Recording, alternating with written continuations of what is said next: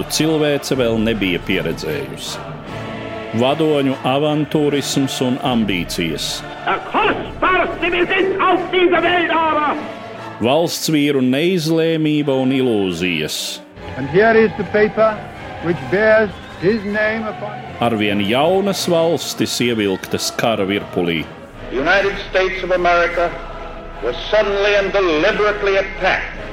Nežēlīgi malti cilvēku un tautu likteņi. Lai dzīvo darba tautas draugs un ģeniālais vadonis biedrs Stalins. Otrais pasaules karš sarunās ar Eduardu Liniņu raidījumu ciklā Satumsums. Labdien, cienījamie klausītāji! Šogad paiet 75 gadi kopš noslēdzās Otrais pasaules karš. Šī kara norises sīki aplūkoju raidījumu ciklā Satumsums no 2009. līdz 2015. gadam. Šogad piedāvāju jūsu uzmanībai raidījumu virkni, kuras fragmentos no tolaik izskanējušajiem raidījumiem koncentrēti paraudzīsimies uz šī grandiozā militārā konflikta norisēm kā pasaulē, tā Latvijā. Otrā pasaules kara sākuma datums ir 1939. gada 1. septembris diena, kad nacistiskā Vācija uzbruka Polijai, taču šim datumam bija spilgta prelūdija. 1939. gada 23. augustā noslēgtais Vācijas Padomju Savienības neuzbrukšanas līgums, kura slepenajos protokolos Hitlera un Staļina režīmi sadalīja savā starpā tobrīd vēl suverēno Austrumēropas valstu teritoriju. Šo līgumu, kas plaši pazīstams arī kā Molotova-Ribbentropa pakts, raksturo vēsturnieks Latvijas Universitātes profesors Inesis Feldmanis. Tajā vēsturiskā situācijā, kad tika noslēgts Molotov-Ribbentrop pakts, tas tomēr radīja zināmas eh, bumbas sprādzienu efektu. Diplomātiskās aprindas jau zināja, protams, par izzīmējušās Vācijas un Padomju Savienības tuvināšanos, bet plašākai sabiedrībai jau par to nekādas īpašas informācijas nebija, jo tomēr pamattonis tajā ārpolitiskajā propagandā bija Padomju Savienība un Vācija ir kā tādi nesamierināmi kaimiņi. Tā kā tajā momentā tas bija diezgan liels pārsteigums ir tīpaši Maskavas vadītajai starptautiskajai komunistiskajai kustībai. No otras puses, tā eh, pēc būtības nebija, un šodien vēsturnieki ir ļoti labi pierādījuši, ka pat tā saucamā pārāvuma periodā Padomju Savienības un Vācijas attiecībā no 37. līdz 38. gadam, kad Padomju Savienība mēģināja savās interesēs izspēlēt šo kolektīvās drošības ideju, mēģināja rast sadarbību ar Franciju. Joprojām galvenais Padomju Savienības strateģiskais mērķis arī šajā situācijā bija panākt vienošanos ar Vāciju. Sākot no 39. gada pavasara, Padomju Savienība varēja ļoti brīvi izvēlēties, ja, sadarboties ar rietumu valstīm vai sadarboties ar Nacisko Vāciju. Jo starptautiskā situācija bija tā izvērtusies, un to tagad uzsver jebkurš autors, kas raksta par starptautiskām attiecībām 30. gadu nogalē, kad Padomju Savienība nokļūst bija ļoti izdevīgā situācijā. Un šeit ir galvenokārt tie divi lēmumi, kas veicināja šādas situācijas izraisīšanos. Britu lēmums sākt īstenot tā dēvēto vienpusīgo, es uzsveru, vienpusīgo vienpusīgo garantiju politiku, jo Lielbritānija uzreiz uzņēmās vienpusīgas garantijas iepratīm noteiktām Austrumēropas valstīm, Polija, Rumānija, vēlāk Grieķija un Turcija, un tad gribēja panākt, lai arī Padomju Savienība uzņemtos garantēt šo valstu. Neatkarīgi, nu, protams, no lielās politikas viedokļa, un tas ir tāds mazs absurds. Un tāpēc jau ļoti daudz autori pasvītro, ka ar savu šo vienpusīgo garantiju politiku Britu premjerministrs Nevils Čemberlens simtprocentīgi sev izspēlēs Staļina rokās. Viņš vairs neko Staļinam nevarēja piedāvāt. Un otrs, šis neveiksmīgais lēmums ir padoms nevienmēr ļoti izdevīgais. Hitlera pieņemtais lēmums tomēr izreikināties ar Poliju militārā ceļā. Tagad gan vēsturnieki vēl strīdās, kad Hitlers galīgi tādu lēmumu ir pieņēmis.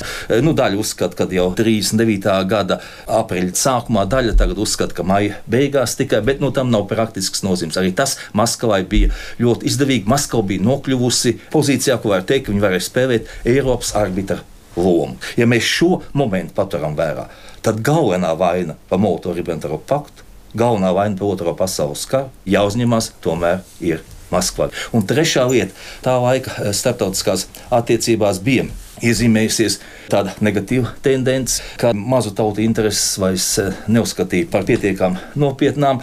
Tiešām pēc Minhenes vienošanās nu, šāda tendence starptautiskajās attīstībās parādās. Minhenē tiek nodotas Čehoslovākijas intereses. Bet šeit ir jāsaprot arī tas fons un arī tie cēloņi, kāpēc Lielbritānija un Francija par tādu soli izšķīrās.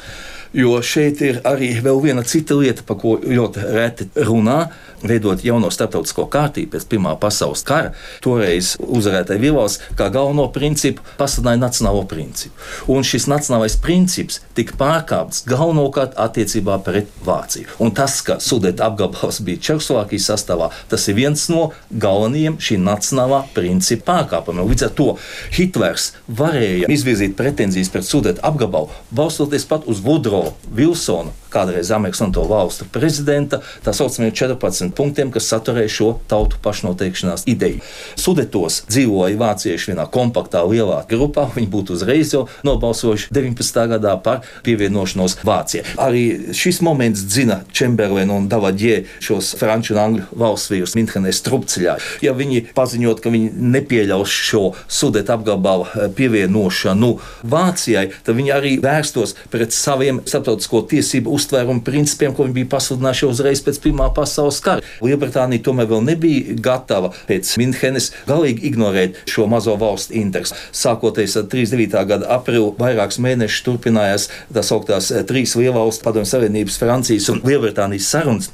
Un viens no galvenajiem jautājumiem, kas tika risināts šajās sarunās, bija tā saucamais Baltijas jautājums. Šīs sarunas risinājās praktiski līdz pat Molto-Ribbentrop pakta parakstīšanai. Viņas noslēdzās eh, tieši 1939. gada 23. augustā. Noslēdzās tā, ka padomju puses palūdza aizbraukt mājās Angļu un Franču militārās delegācijas. Šeit tomēr eh, Lielbritānija nebija gatava uz papavāts pasniegt Baltijas valstis. Līdz ar to Staļinu Maskavu šāda tipa vienošanās ar Lielbritāniju Francija absolūti neinteresēja. Krievijai ir novērojama tāda tendence salīdzināt Minhenes vienošanos ar Molto-Ribbentrop paktu. Secinājums jau var būt tikai viennozīmīgs, tie ir nesalīdzināmi lielumi. Nu, pietiek šeit atzīmēt kaut vai to, ka Minhenes vienošanās galvenais mērķis bija saglabāt mieru Eiropā. Šī eh, vienošanās ir virzīta uz piekāpšanos, jā, Hitleram. Bet uh, toreiz jau Hitlera ārpolitiskie mērķi, kas ir virzīti uz karu, tie jau nebija tā vēl iezīmējušies. Anglijas premjeram toreiz Nevam Čemberenam bija jāpieņem ļoti smags lēmums, izšķiroties starp divām alternatīvām. Pirmā alternatīva - piekāpties Hitleram, un otrā alternatīva - sākt ar viņu karu. Nu, kā var politiķis tādā situācijā izšķirties sākt karu, kad viņam ir tikai bažas par to, ka var būt iespējams karš? Mēs zinām, ka pretēji Minhenes vienošanai eh, Moloto-Ribbentropa pakts tas ir vistīrākais kara pakts, kas ir virzīts uz kara izcelšanos, līdz kara izraisīšanu. Jo es esmu simtprocentīgi pārliecināts, un tā ir pārliecināta arī daudz vēsturnieki, ka bez Moloto-Ribbentropa pakta arī nebūtu otrais pasaules karš. 50 gadus padomju savienība negribēja atzīt slepenot protokolu pie 39. gada 23. augusta Padomju Savienības un Vācijas neuzbrukšanas līgumu. Tad tagad viņi raksta, ka tas pakta slepnais protokols saviem četriem punktiem ir ļoti neskaidri noformulēts. Tur nav nekas tā, teiksim, izskaidrots, ko nozīmē interešu sfēra, kas ir teritoriālās pārkārtošanas gadījums un tā tālāk.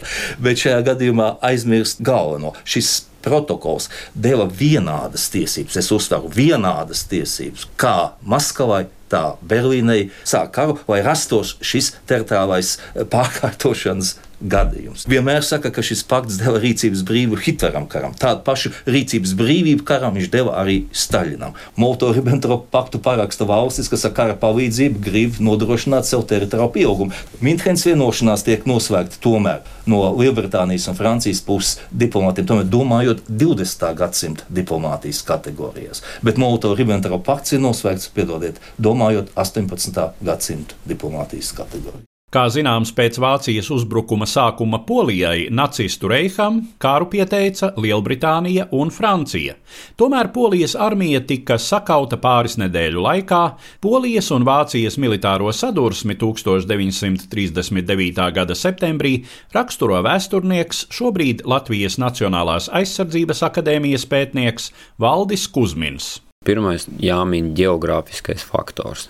Vācijas un Polijas robežu izvietojums. Nu, tad pirms kara darbības sākuma Vācija praktiski ielēca Poliju no trim pusēm - ziemeļiem, dienvidiem un arī rietumiem. Un tas vēl vairāk pasliktinājās līdz ar Čehoslovākijas valsts likvidēšanu, Čehijas okupēšanu un Slovākijas valstiņas izveidošanu. Praktiski Vācija varēja uzbrukt no trim virzieniem - Polijas galvaspilsētas Varšavas virzienā un Polijas bruņotajiem spēkiem. Būtu jāpieņem smagi lēmumi, jāatstāj daudz teritorijas, lai šo karu varētu novilkt pēc iespējas ilgāk, vai vispār būtu kāds cerības uz uzvaru.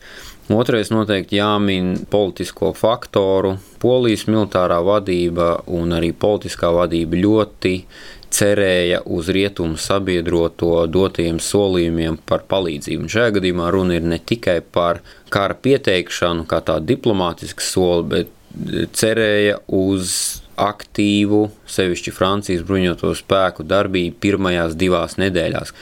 Un līdz ar to atvilktu spēkus. Balstoties uz šo cerību, arī tika izstrādāti polijas aizsardzības plāni, aizsardzības plāns rietumi, kas diezgan strikti balstījās uz šo militāro palīdzību.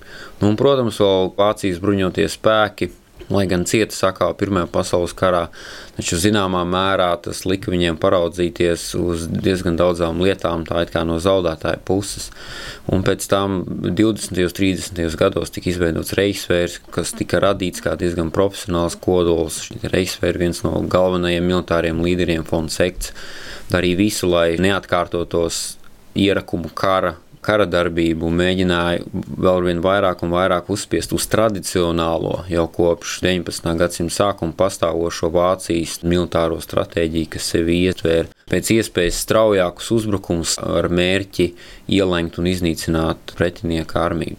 Visi šie faktori, teiksim, tā summējās, un tā rezultātā šis karš jau pēc tam kļuva par tā sauktā zibenskara simbolu, lai gan šodien ļoti daudz vēsturnieku jau uzskata, ka tāds zibenskars kā revolucionāra militāra doktrīna nemaz nepastāvēja, bet faktiski tas, ko mēs šodien pazīstam ar nosaukumu zibenskars, tam, kas rezultātā sanāca. Un pēc tam jau tika piedzīts klāt dažādas teorijas, kas varbūt pirms paša polijas kara nemaz tik izteiktas nebija. Vācijas bruņotie spēki bija pārāki tehniskajā ziņā, taču nevajag arī pārvērtēt. Tas nebija graujoši. Karadarbībā pret Poliju Vācijas bruņotie spēki tikai 10% no šiem spēkiem bija motorizēti. Pārējais viss bija zirgu vilkmes, artērija un viss pārējais.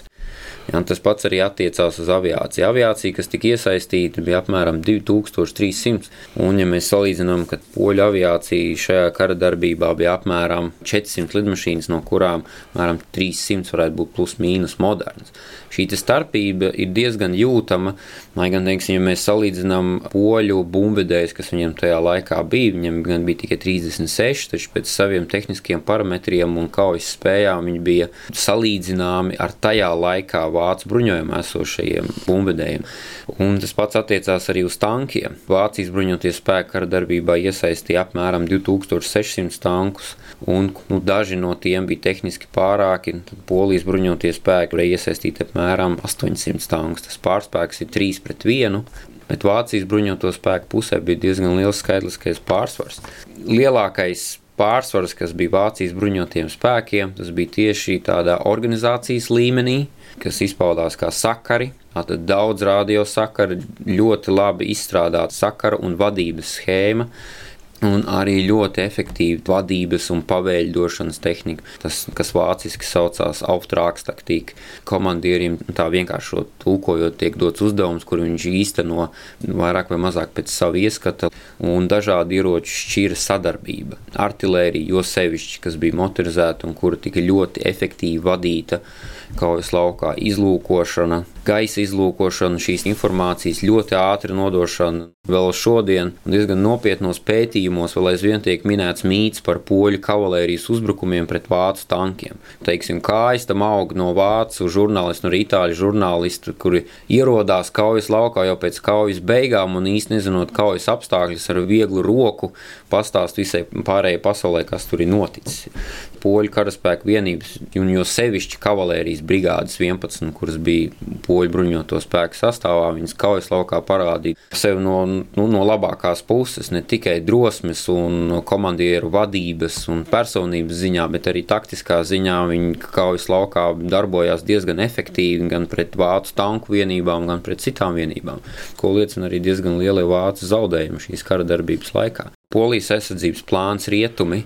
Šī plāna lielākā vājība bija tas, ka polijas bruņotie spēki bija izvietoti gandrīz gar pašu Polijas-Vācijas robežu. Tajā skaitā vesela armija, Poznaņas armija bija izvietota Polijas rietumu daļā, kur tai pretī neatradās praktiski nekādas vācu vienības. Tūlī pie Dancigas, tā sauktajā poļu koridorā, tur atradās vesela armija, kuras praktiski jau no pirmajām kara dienām atrastos pilnīgā ielēkumā. No vienas puses austrumos bija Austrumprūsija un rietumos bija Pomerānija. Pirmām kārtām viņi cerēja, Ja divu nedēļu laikā sāksies rietumu uzbrukums, tad šo armiju ātrā ielēkšana un atrašanās tuvu vācu robežām nebūs pārāk liela problēma. Un otrs iemesls, kas tiek minēts, ir tas, ka Polijas bruņoto spēku vadība un arī Polijas politiskā vadība nevēlējās atstāt Polijas koridoru, kas kalpoja kā iegansts kara darbības sākumam, jo viņi uzskatīja, ja viņi atkāpsies jau pirms kara darbības sākuma no koridora, Vācija viegli ieņems koridoru un varbūt sāks miera sarunas, un Polija līdz ar to būs spiesta zaudēt savu teritoriju praktiski bez cīņas. Tas pats attiecās uz Polijas dienvidrietumos esošo lielāko Polijas industriālo rajonu, Krakovas, Katovicas apkārtnē, kur bija lielākā rūdas ieguma tā tālāk. No tīri militārā viedokļa vislabākais plāns bija atkāpties uz Vislas un Nārevas upes robežu, bet tas sanāk gan atstāt pusi no Polijas teritorijas Vācijas karaspēka rīcībā, un jau manis minēto Polijas koridoru, un jau manis minēto Silēzijas rūpniecisko rajonu. Līdz ar to šie divi faktori veicināja to, ka tika pieņemts šis aizsardzības plāns, kas varbūt no tādā strateģiskā viedokļa nebija gluži tas labākais. Francijas bruņotie spēki ko raksta pētnieki, nevarēja sākt reāli militāru ofensīvu. Nevis tādēļ, cik tur priekšā bija vācieši, bet vienkārši tādēļ, ka šie bruņotie spēki nebūtu spējīgi pabeigt mobilizāciju, pienācīgi sagatavoties tādai plaša mēroga ofensīvai, kas piespiestu vāciešus pārsviest spēkus. Tas pat teorētiski nebija iespējams. Nemaz nerunājot, ka līdz ar šo slavenās mažino līnijas, aizsardzības līnijas būvēšanu Francijas bruņotajos spēkos pastāvēja noskaņojums, ka šo kāru arī izšķirs dzelzbetonu nocietinājumu vienai vai otrā pusē. 12. septembrī Angļu-Franču augstākā kara padome piedalījās arī Lielbritānijas premjerministrs Čemberlens. Vienojās, ka jebkura aktīva kara darbība ir jāizbeidz un ir jāturpina teiksim, tā spēku mobilizēšana, koncentrēšana ar kaut kādiem tālākajošiem plāniem, kaut kā turpināt izdarīt spiedienu un tā tālāk. Un tā tālāk. Par šo sanāksmi polijas puse netika informēta. Un līdz pat brīdim, kad Polijas Vācijas militārajā konfliktā iesaistījās arī Padomju Savienība, cik var noprast no pētījumiem, šī Polijas militārā vadība vēl aizvien cerēja uz kaut kādu rietumu sabiedroto aktīvu atbalstu. Pilnīgi bezcerīgu Polijas situāciju padarīja sarkanās armijas iebrukums Polijas austrumdaļā, kas sākās 1939. gada 17. septembrī. Turpina Valdis Kusmins. Tā bija viennozīmīga militāra agresija pret Polijas valsti, un Padomju Savienība sāka īstenot ar militāriem līdzekļiem politisko vienošanos, ko bija noslēgusi Padomju Savienība ar nacistisko Vāciju. Lai gan kaujas bija salīdzinoši nelielas, bet tās tomēr bija ļoti nozīmīgas Polijas-Vācijas militārā konflikta iznākumā. Ja viens no Polijas bruņoto spēku šī aizsardzības plāna rietumu pamatprincipiem, uz kā viņš balstījās, bija tas, ka šajā konfliktā Padomju Savienība būs neitrāla valsts Tiklīdz kā 17. septembrī sarkanās armijas vienības sāka iebrukumu Polijas teritorijā, līdz ar to jau varētu teikt, ka Polijas pretošanās iznākums jau bija pilnīgi skaidrs un sāks jau Polijas bruņoto spēku pārvietošanās, mēģināt izrauties no ielēkuma un atkāpties Rumānijas virzienā, kur bija paredzēts arī pēc šī plāna rietumu izveidot pēdējo aizsardzības līniju, tā saukto Rumānijas placdarmu, un atsevišķām vienībām man līdz šiem izdevās nokļūt. Interesanti vēl ir tas, ka rietumu sabiedroto un polijas savstarpējos palīdzības paktos formulējums bija tāds, ka gadījumā, ja Padomju Savienība sāk militāru konfliktu, rietumu sabiedrotiem tika dota formāla iespēja Padomju Savienību neatzīt par agresoru un nepieteikt karu Padomju Savienībai. Un arī polijas gan politiskā, gan arī militārā vadība darīja visu, lai atbalstītu šādu nostāju. Netika oficiāli pasludināts karš, tika darīts viss, lai rietumu sabiedrotie nebūtu spiesti iesaistīties aktīvā kara darbībā pret Padomju Savienību. Nākamais Padomju Savienības ekspansijas upuris bija Baltijas valstis. Sākot ar 24. septembra ultimatīvo prasību Igaunijai, Padomju Savienība uzspieda trim Baltijas valstīm savstarpējās neuzbrukšanas līgumus, kas paredzēja tobrīd vēl ierobežota padomju militārā kontingenta ieviešanu šo valstu teritorijā, tā padarot tās par padomju militārajiem satelītiem. Situāciju 1939. gada septembrī septembrī raksturo vēsturnieks profesors Kārlis Kangeris. Jau pēc 1. septembrī diplomātu aprindās kursēja baumas, ka nākošais solis varētu būt, ka Padomu Savienība vērsīsies pret Baltijas valstīm. Un it sevišķi, ja tas kļuva ļoti aktuāls jautājums pēc 17. septembra, kad Padomu Savienība uzbruka Polijai. Baltijas valsts bija deklarējuši absolūto neutralitāti. Jā. Tas nozīmē, ka viņi izturēsies ne tikai pret karojošiem neitrāli, bet vispārīgi teiksim, ievēros Baltijas jūras basēnā neitrālo pozīciju. Ar Igauniju iemesls radās tā, ka poļu zemūdeni Orzela bija internēta Tallinā un viņa, pareizi atceros, bija 18. septembrī no Tallinas izmuša. Šito te Krievi minēja kā iegāns, ja, ka Igaunija nevar garantēt savu neutralitāti, tāpēc viņi vēršas ar šādām prasībām pie Igaunijas. Igaunija arī domāja par pretošanos. Igaunijai bija ar Vāciju slepena militāra sadarbība, kas attiecās uz Padomu Savienību. Tāda paša slepena sadarbība arī bija Somijai ar Vāciju. Latvijai šādu sadarbību Himlers piedāvāja 1939. gada jūnijā, bet Latvija to esot noraidījusi.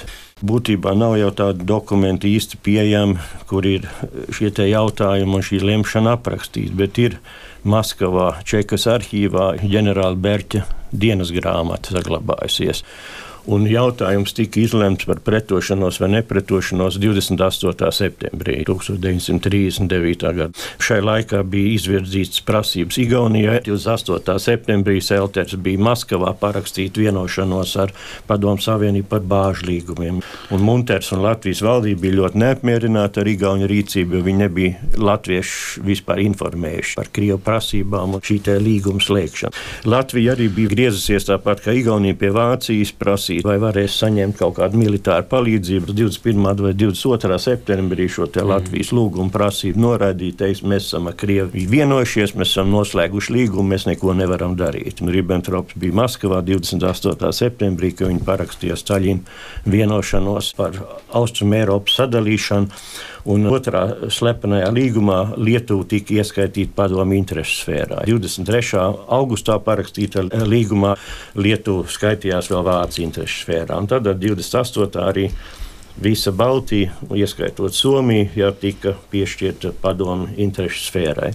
Munters braukājot pa ārzemēm, viņam arī tika uzstādīti jautājumi, vai latvieši pretosies padomu agresijai, ja tāda būs vai nē. Un vienmēr viņš atbildēja šo jautājumu ar jā.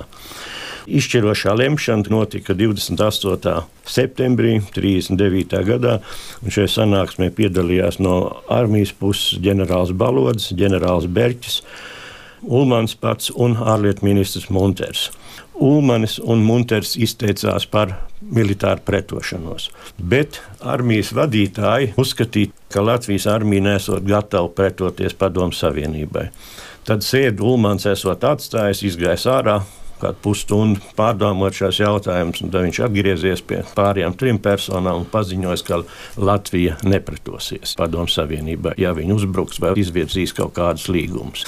Būtībā armijas augstākā vadība bija tā, kas pati rosināja uz nepretošanos. Munters 1. oktobrī paziņoja Krievijas vēstniekam Latvijā, ka Latvija nepretos. Tā viņa otrā Latvija dabūja ielūgumu braukt uz Maskavu, un tas viss arī izcinājās diplomātiskā ceļā. Sabiedriski šie jautājumi netika atklāti, cilāti, diskutēti. Visas tīrīšanas Krievijā, teiksim, tauta nebija pārāk labi informēta, bet politiskā elite bija ļoti labi informēta par visu notiekošo Eiropā. Arī pēc 39. gada, pēc Krievijas iebrukuma Polijā, kad tur jau sākās deportācijas, viss līdz 40. gadam jau bija zināms, ja kādi padomu metodas, kas ir gaidāms Latvijai. Bet tas bija tikai zināms Latvijai toreiz šaurai cilvēku grupiņai, kas nodarbojās ar diplomātiju sēdē ministrijās. Par Latvijas militāro situāciju šai laikā Valdis Kusmins.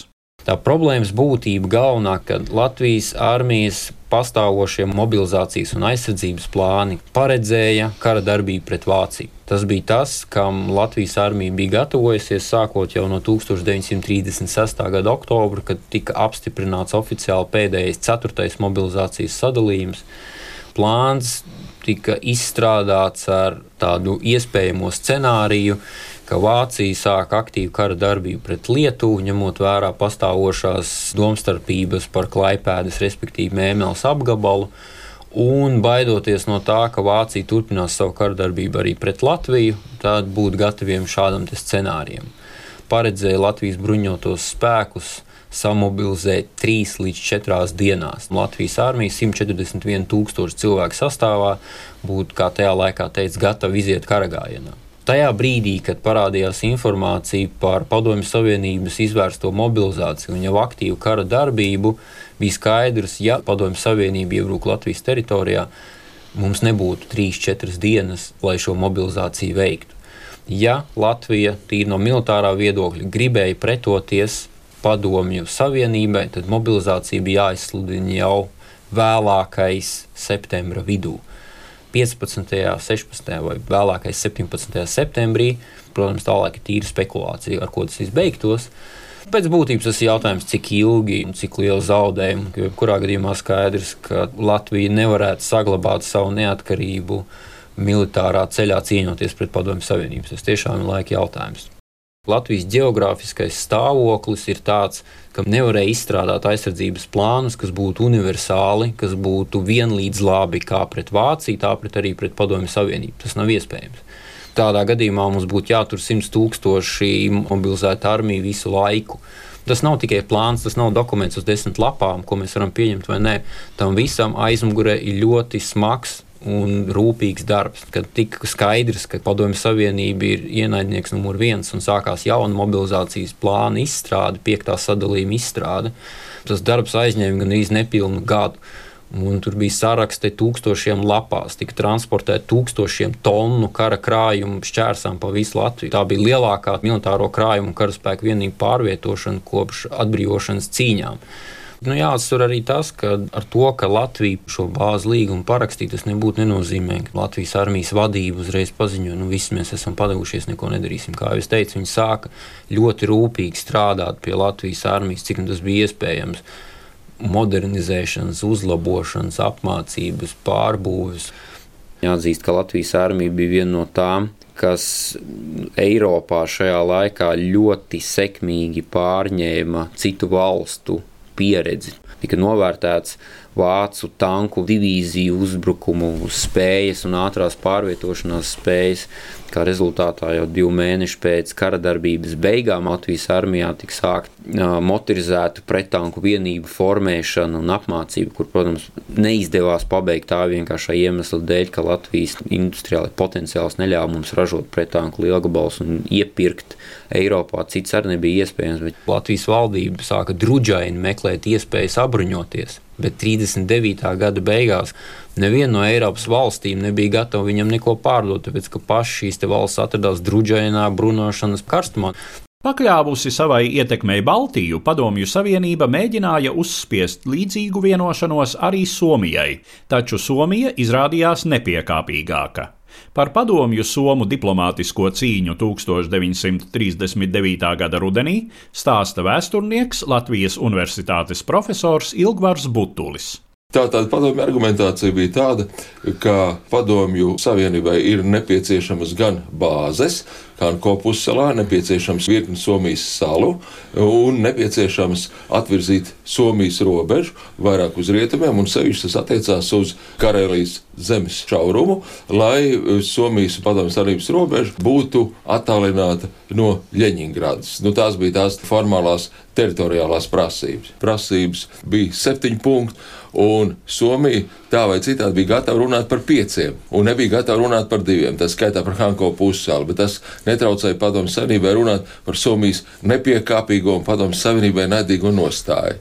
Somijā šis process nu, notiek visnotaļ demokrātiskā ceļā, un sarunu raundos 39. gada rudenī notiek nepārtrauktas konsultācijas, notiek vai nu pozīcija mājiņas, dažādi manevri un tā tālāk ko Padomju Savienība atkal, ja mēs runājam par to Padomju Savienības retoriku, varbūt arī pat izpratni, kā iztūko kā Somijas nevēlēšanos, bet vienkārši tā ir demokrātijas pazīme. Un es domāju, šī izšķiršanās notiek varbūt arī tādējādi, ka Somija, manuprāt, cer uz divām lietām. Pirmais, ka varbūt šī Padomju Savienības nostāja tā asā, ka varbūt tas ir zināmā mērā blefs, Un otrs moments, ka, protams, jūzdam un arī cerēdam uz Skandināvijas citu valstu, nu, galvenokārt Zviedrijas atbalstu, un arī uz Anglijas, eh, Francijas un Savienoto valstu atbalstu, kas nenoliedzami Somijai dod eh, spēku. Un es domāju, tas lielā mērā šo izšķiršanos varbūt par tādu eh, nelokāmu nostāju nosaka. Cik pamatotas ir Somijas cerības uz to, ka rietumu valstis varētu nākt tai palīdzīgā, vai varbūt Somija zināmā mērā cer arī uz Vācijas atbalstu tomēr šajā situācijā? Vācijai savā ziņā šis karš, teiksim, interesants un varbūt pat izdevīgs, bet no Vācijas puses nekāda uz reālu palīdzību cerēt nevar atbalstu. Teiksim, citu viņai, es domāju, nu, ko cerēt nav. Uz Somijas nepiekāpību Staļina režīms reaģēja ar militāru agresiju pret mazo kaimiņu valsti. 1939. gada 30. novembrī sākās Ziemas karš. Par šī kara norisi, kā arī par turpmākajām Otrā pasaules kara norisēm 1940. gadā, klausieties mūsu nākamajos raidījumos. Uz redzēšanos, cienījamie klausītāji! Raidījumā šīs dienas acīm cikls Satumsums - sarunas par Otro pasaules karu.